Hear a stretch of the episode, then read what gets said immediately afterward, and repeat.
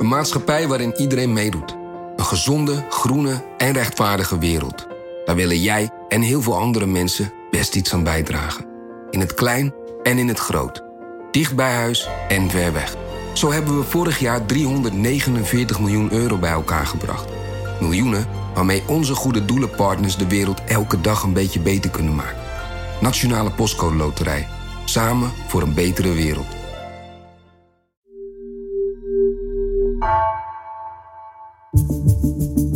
Vanaf de redactie van NRC het verhaal van vandaag. Mijn naam is Thomas Ruip.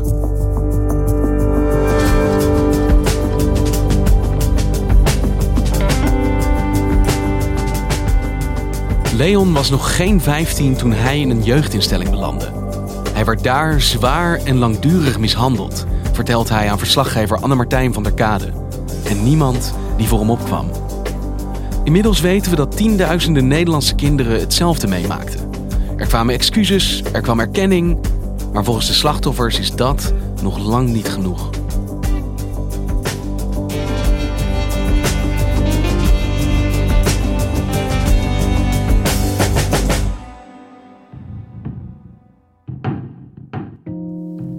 Dit jaar ben ik twee keer op bezoek geweest bij Leon Oenverzakt in Arnhem.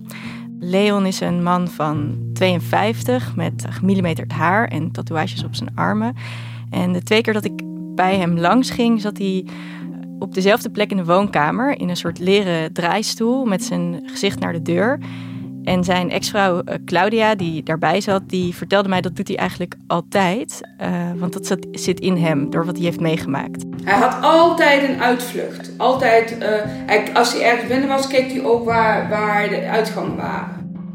Hij weet natuurlijk van, van zichzelf dat hij anders functioneert als uh, iemand die dat niet heeft meegemaakt. Mm. je, je bent op je hoede en je leeft in angst en ja, noem het dan maar op eigenlijk.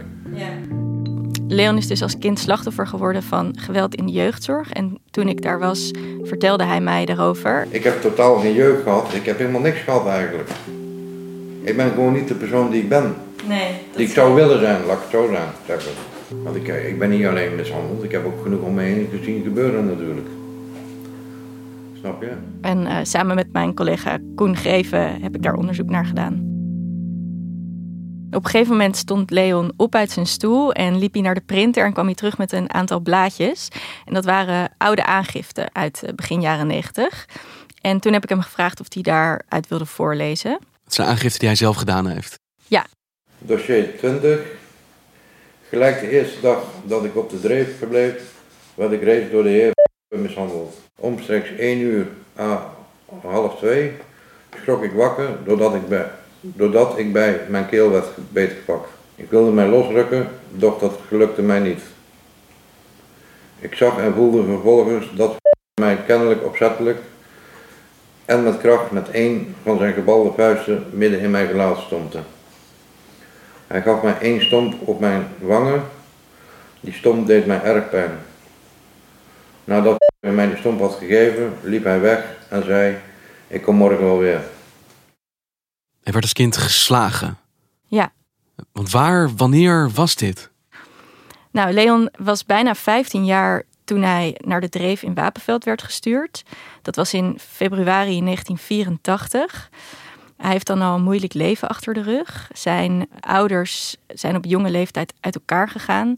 Zijn moeder kreeg op een gegeven moment een nieuwe vriend. En eh, wat eigenlijk niemand wist, is dat die man hem misbruikte. Dus Leon ging moeilijk gedrag vertonen en stelen.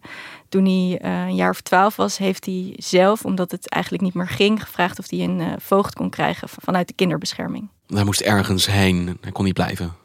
Ja, hij is eerst in een uh, kinderthuis in Den Bosch terechtgekomen, maar toen op een dag in 1984 heeft die voogd hem naar de Dreef in Wapenveld gebracht. En wat voor plek is dat, de Dreef? De Dreef in Wapenveld stond eigenlijk bekend als het paradepaardje van de Nederlandse kinderbescherming. Het was de plek waar kinderrechters hun moeilijkste gevallen naartoe stuurden. Zelfs jongens die overal waren weggestuurd kregen op de Dreef eigenlijk nog een kans. In de Dreef worden in opdracht van justitie jongens behandeld van 13 tot 21 jaar. Het zijn moeilijke jongens, soms met een crimineel verleden, soms met een geschiedenis van grote opvoedingsproblemen thuis.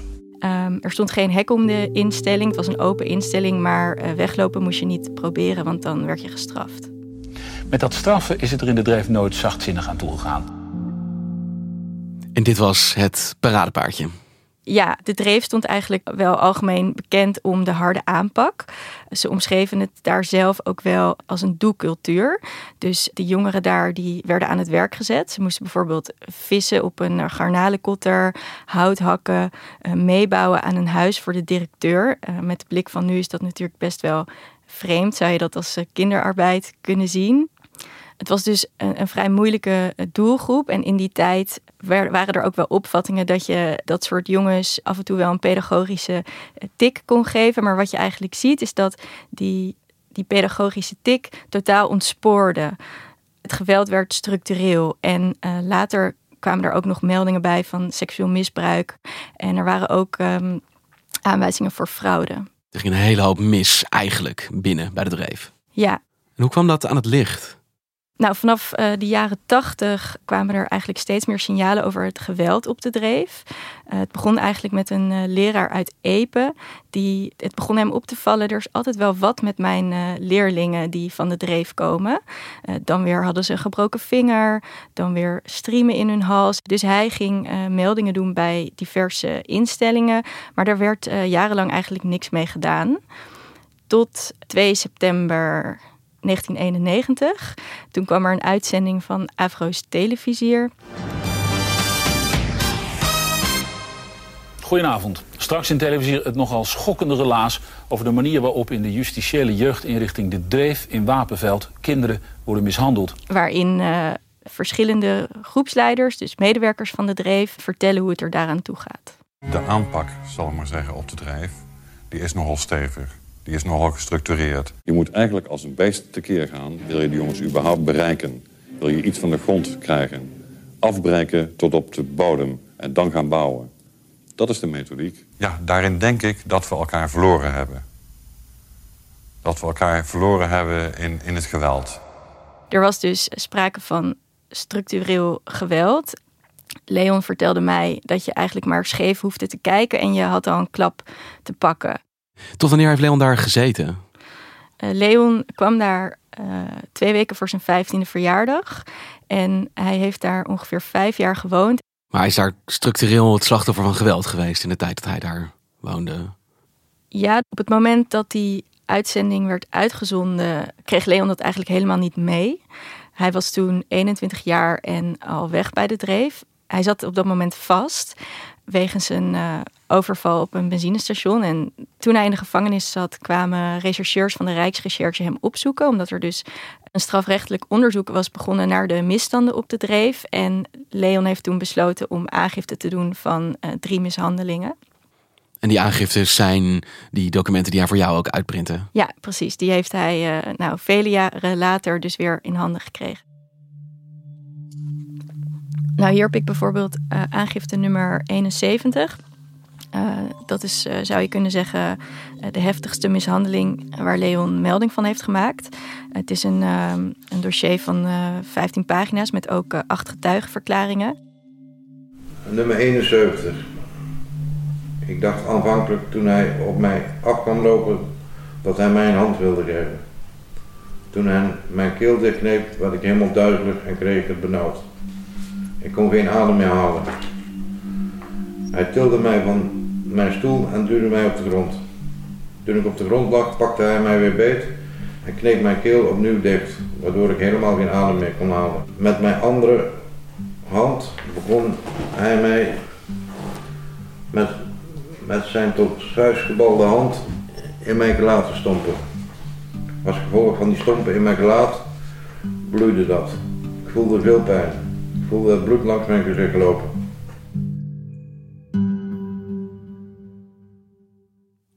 En dit is wel een hele tijd geleden natuurlijk. Hoe kwam jij erbij om nu Leon te gaan opzoeken? Ja, wij spraken met Leon omdat hij zeker niet de enige is die dit soort dingen heeft meegemaakt. Op 12 juni 2019 verscheen er een rapport van Commissie De Winter. Het was een uh, commissie onder leiding van hoogleraar pedagogiek Micha De Winter. En die had ruim twee jaar lang onderzoek gedaan naar geweld in de jeugdzorg vanaf 1945. En dit was een onderzoek dat liep van de periode 1945 tot 2019, dus gigantisch veel jaar. Ja, en uit dat onderzoek bleek dat tienduizenden kinderen na de Tweede Wereldoorlog uh, in tehuizen en pleeggezinnen stelselmatig mishandeld en vernederd werden, terwijl ze dus onder verantwoordelijkheid vielen van de staat. Het rapport heet Onvoldoende beschermd. Het rapport van de commissie De Winter geeft een gruwelijk beeld van mishandeling en misbruik in de jeugdzorg. En dat gebeurde allemaal onder verantwoordelijkheid uiteindelijk van de overheid. De commissie concludeert onder meer dat 33% van de kinderen in de jeugdzorg te maken kreeg met fysiek geweld door volwassenen. 43% met psychisch geweld door volwassenen. De overheid, verantwoordelijk voor kinderen in de jeugdzorg, heeft in al die jaren nauwelijks gereageerd op signalen van geweld. Hey, en het is een vernietigende conclusie eigenlijk, waar je maag van omdraait. Zoveel kinderen die daar het slachtoffer van geworden zijn. Wat beveelt het rapport dan aan? Wat, wat, wat zeiden zij dat er dan moest gebeuren? Het rapport bevatte 13 aanbevelingen voor de toekomst. Dus hoe kunnen we zorgen dat de jeugdzorg veiliger wordt? De commissie zei bijvoorbeeld: uh, zorg voor beter toezicht, voor kleinere groepen, investeer in goed opgeleid personeel. En de commissie vond ook dat alle betrokken partijen hun uh, volledige verantwoordelijkheid moesten nemen. En dat deed uh, het kabinet ook eigenlijk wel direct. minister Hugo de Jonge en Sander Dekker boden namens het kabinet op de dag van het verschijnen van het rapport excuses aan. En er werd ook besloten dat alle slachtoffers van geweld in de jeugdzorg recht hebben op 5000 euro uh, als, uh, ja, als tegemoetkoming eigenlijk. En hoe werd er gereageerd destijds ook op deze excuses en dus die 5000 euro die ter beschikking werd gesteld? In dat debat viel mij op dat de Kamer heel kritisch was over de opvolging van de aanbevelingen van Commissie de Winter. Voorzitter, Commissie de Winter komt met een snoeiharde conclusie. Deze kinderen, volwassenen nu, zij verdienen daarbij onze steun, ook financieel. Het bedrag van 5000 euro lijkt wel extreem laag voor de geleden schade. En ik vind ook dat de minister zich zou moeten realiseren dat als wij het bedrag zouden verhogen, dat een veel grotere groep van slachtoffers zich wel erkend zou voelen in het leed dat hen is aangedaan. Nou ja, dat vindt Leon uh, dus ook. Leon zegt het voelt alsof we worden afgekocht. Hè? Hier heb je 5000 euro en dan uh, praten we nergens meer over. En is er sinds het verschijnen van dat rapport ook daadwerkelijk iets veranderd? Nou, nog steeds gaat er veel niet goed met de jeugdzorg in Nederland. Nog steeds zijn er personeelstekorten. Nog steeds moeten kwetsbare kinderen nog lang wachten op goede zorg. Vorig jaar sprak ik met vier leden van Commissie De Winter. Toen was het een jaar nadat het rapport was verschenen. En toen vroeg ik: wat is er in jullie ogen nou van de aanbevelingen die jullie hebben gedaan terechtgekomen? Nou, zij zeiden eigenlijk er gebeurt nog te weinig om de veiligheid van kinderen in de jeugdzorg te vergroten. En een van de commissieleden zei bijvoorbeeld: het zijn veel mooie woorden, maar ze zeggen zo weinig. Ja, dus het heeft niet direct tot een gigantische omslag geleid, deze conclusie. Ja, er gebeuren wel dingen, maar het gaat traag. Het is deels ook een financiële kwestie. Gemeenten zijn sinds 2015 verantwoordelijk voor de jeugdzorg. En het idee was dat die gemeenten de zorg goedkoper zouden kunnen verstrekken. Maar wat er in de praktijk is gebeurd de afgelopen vijf jaar is dat eh, de jeugdzorg eigenlijk alleen maar eh, duurder is geworden. En laatst is bijvoorbeeld uit een onderzoek gebleken dat gemeenten jaarlijks zo'n 1,7 miljard euro meer uitgeven dan ze binnenkrijgen van het Rijk. Dus de conclusie die uh, de commissieleden vorig jaar uh, trokken en die je nu ook nog wel hoort, is dat er eigenlijk een regierol nodig is. Hè? Er, er, moet, uh, ja, er moet meer verantwoordelijkheid worden genomen. Dus een van de oorzaken van het probleem is dat de landelijke regering het heeft uitbesteed eigenlijk aan de gemeente. Maar ja, dat de gemeenten het eigenlijk niet aankunnen. Dus zeggen we, we hebben weer meer hulp nodig van de landelijke regering. Dan gaat er iets niet helemaal goed in dat proces. Ja, inderdaad. zo zou je dat kunnen zien. Maar wat je natuurlijk wil voorkomen is dat er over uh, 10, 20 jaar weer een uh, commissie moet worden opgetuigd.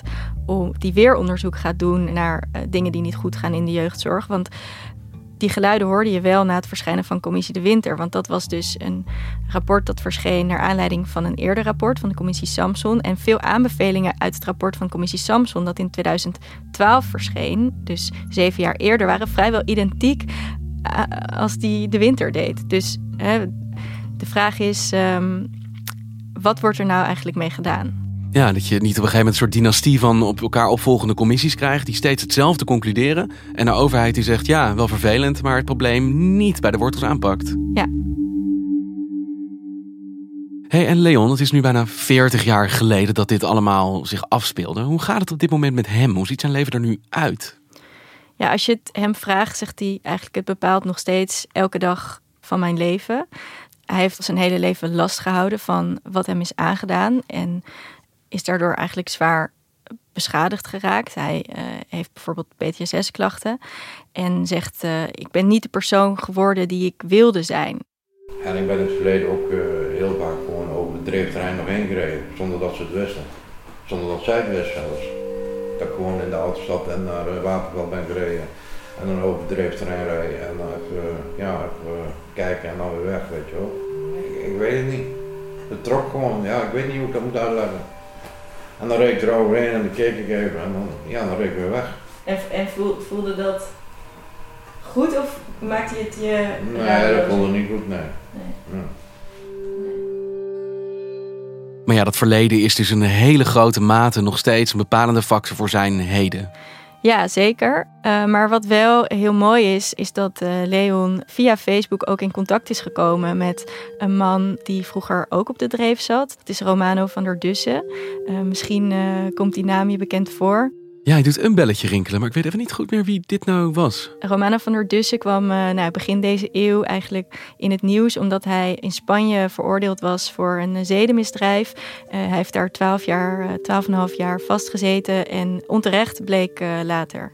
Ja, en hij heeft dus ook op de dreef gezeten. Ja, Romano had net als Leon een moeilijke jeugd. En hij heeft eigenlijk precies hetzelfde meegemaakt.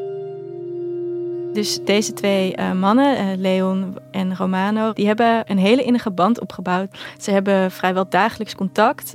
Ze sturen elkaar voice memo's. Maar daarin hebben ze het uh, nou, over wat ze hebben gedaan die dag, maar ook wel eens over het, over het verleden. En allebei voelen ze zich niet erkend. Voelen ze, vinden ze die 5000 euro die de staat nu beschikbaar stelt voor slachtoffers van geweld in de jeugdzorg niet genoeg. En uh, Romano heeft al een tijd uh, contact met advocaat Geert-Jan Knoops. En zij um, willen eigenlijk met z'n drieën juridische stappen ondernemen om een aanvullende schadevergoeding te vragen. En op een bepaalde manier hebben deze twee mannen dus een vorm van erkenning gekregen. Al is het ja, misschien een bescheiden schadevergoeding, maar het zegt wel: we erkennen wat jullie overkomen is. Maar ze hebben ook, zeg jij, aangifte gedaan. Heeft, heeft dat dan geleid tot iets van gevolgen voor de daders ook? Weinig. In uh, begin jaren negentig uh, is er een rechtszaak geweest. Um, naar aanleiding van, die, uh, van het dossier dat de Rijksrecherche had opgebouwd. in totaal zaten daar uiteindelijk 128 aanklachten in. Waaronder drie van Leon en twee van Romano. Maar wat er gebeurde is dat veel van die aangiftes blijkbaar niet geschikt waren om voor te leggen aan de rechter. Uiteindelijk zijn er maar 40 behandeld in de rechtszaak en zijn er veroordelingen uitgesproken. Uh, drie medewerkers van de Dreef kregen een voorwaardelijke celstraf van vier weken. En eigenlijk alleen de oud-adjunct-directeur werd verantwoordelijk gehouden voor de cultuur van geweld die daar was ontstaan. En die kreeg een celstraf van vier weken. Vier weken voor wat daar gebeurd is. Ja. En draagt dat ook bij aan het gevoel wat ze hebben? Ja, het is gewoon nog niet klaar voor ons. Ja, zeker. Ja, dat is uh, precies het gevoel van onrecht. Hè. Hoe kan het dat de mannen die verantwoordelijk waren voor zoveel leed, eigenlijk gewoon verder konden met hun leven en dat er uh, naar de slachtoffers uh, zo weinig is omgekeken zo lang? Ja, dat is gewoon. ik had in de veilige omgeving moeten komen, maar ja, het was gewoon hel. Ik word ook boos van, zeg maar. Ja, en naast boosheid, wat, hoe voelt dat eigenlijk? Nou, ik voel me gewoon, uh, ik, uh, ik, voel me helemaal niks in dit land eigenlijk. Dat is het, ze stappen gewoon zo over je heen. Uh, oh, het is gebeurd, we stonden erbij, we keken ja. ernaar, we deden niks aan de, ja, laat maar lekker gaan. Ja. En heeft Leon het gevoel dat er nog een moment kan komen dat dit voor hem klaar is? Dat het niet meer zo'n bepalende rol in zijn leven gaat spelen? Ja, die vraag kan denk ik alleen Leon zelf beantwoorden. Ik heb hem dit gevraagd en ik, ik denk dat het vooral voor hem heel belangrijk is. En ook voor uh, Romano van der Dus en al die andere mensen. Dat er erkenning is en erkenning op een manier die aansluit bij de leegte die ze voelen in hun leven. Dankjewel, Anne Martijn. Jij ook bedankt, Thomas. Je luisterde naar vandaag, een podcast van NRC. Eén verhaal, elke dag. Deze aflevering werd gemaakt door Nina van Hattem en Jeppe van Kesteren. De muziek die je hoort is van Rufus van Baardwijk. Dit was vandaag, morgen weer.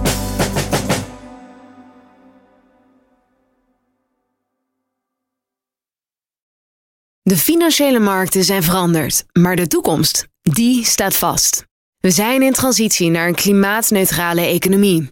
Dit biedt een van de grootste investeringskansen van onze generatie. Een kans voor u om mee te groeien met de pioniers van morgen. Meer weten? Ga naar carbonequity.com. Carbon Equity. Do good by investing better.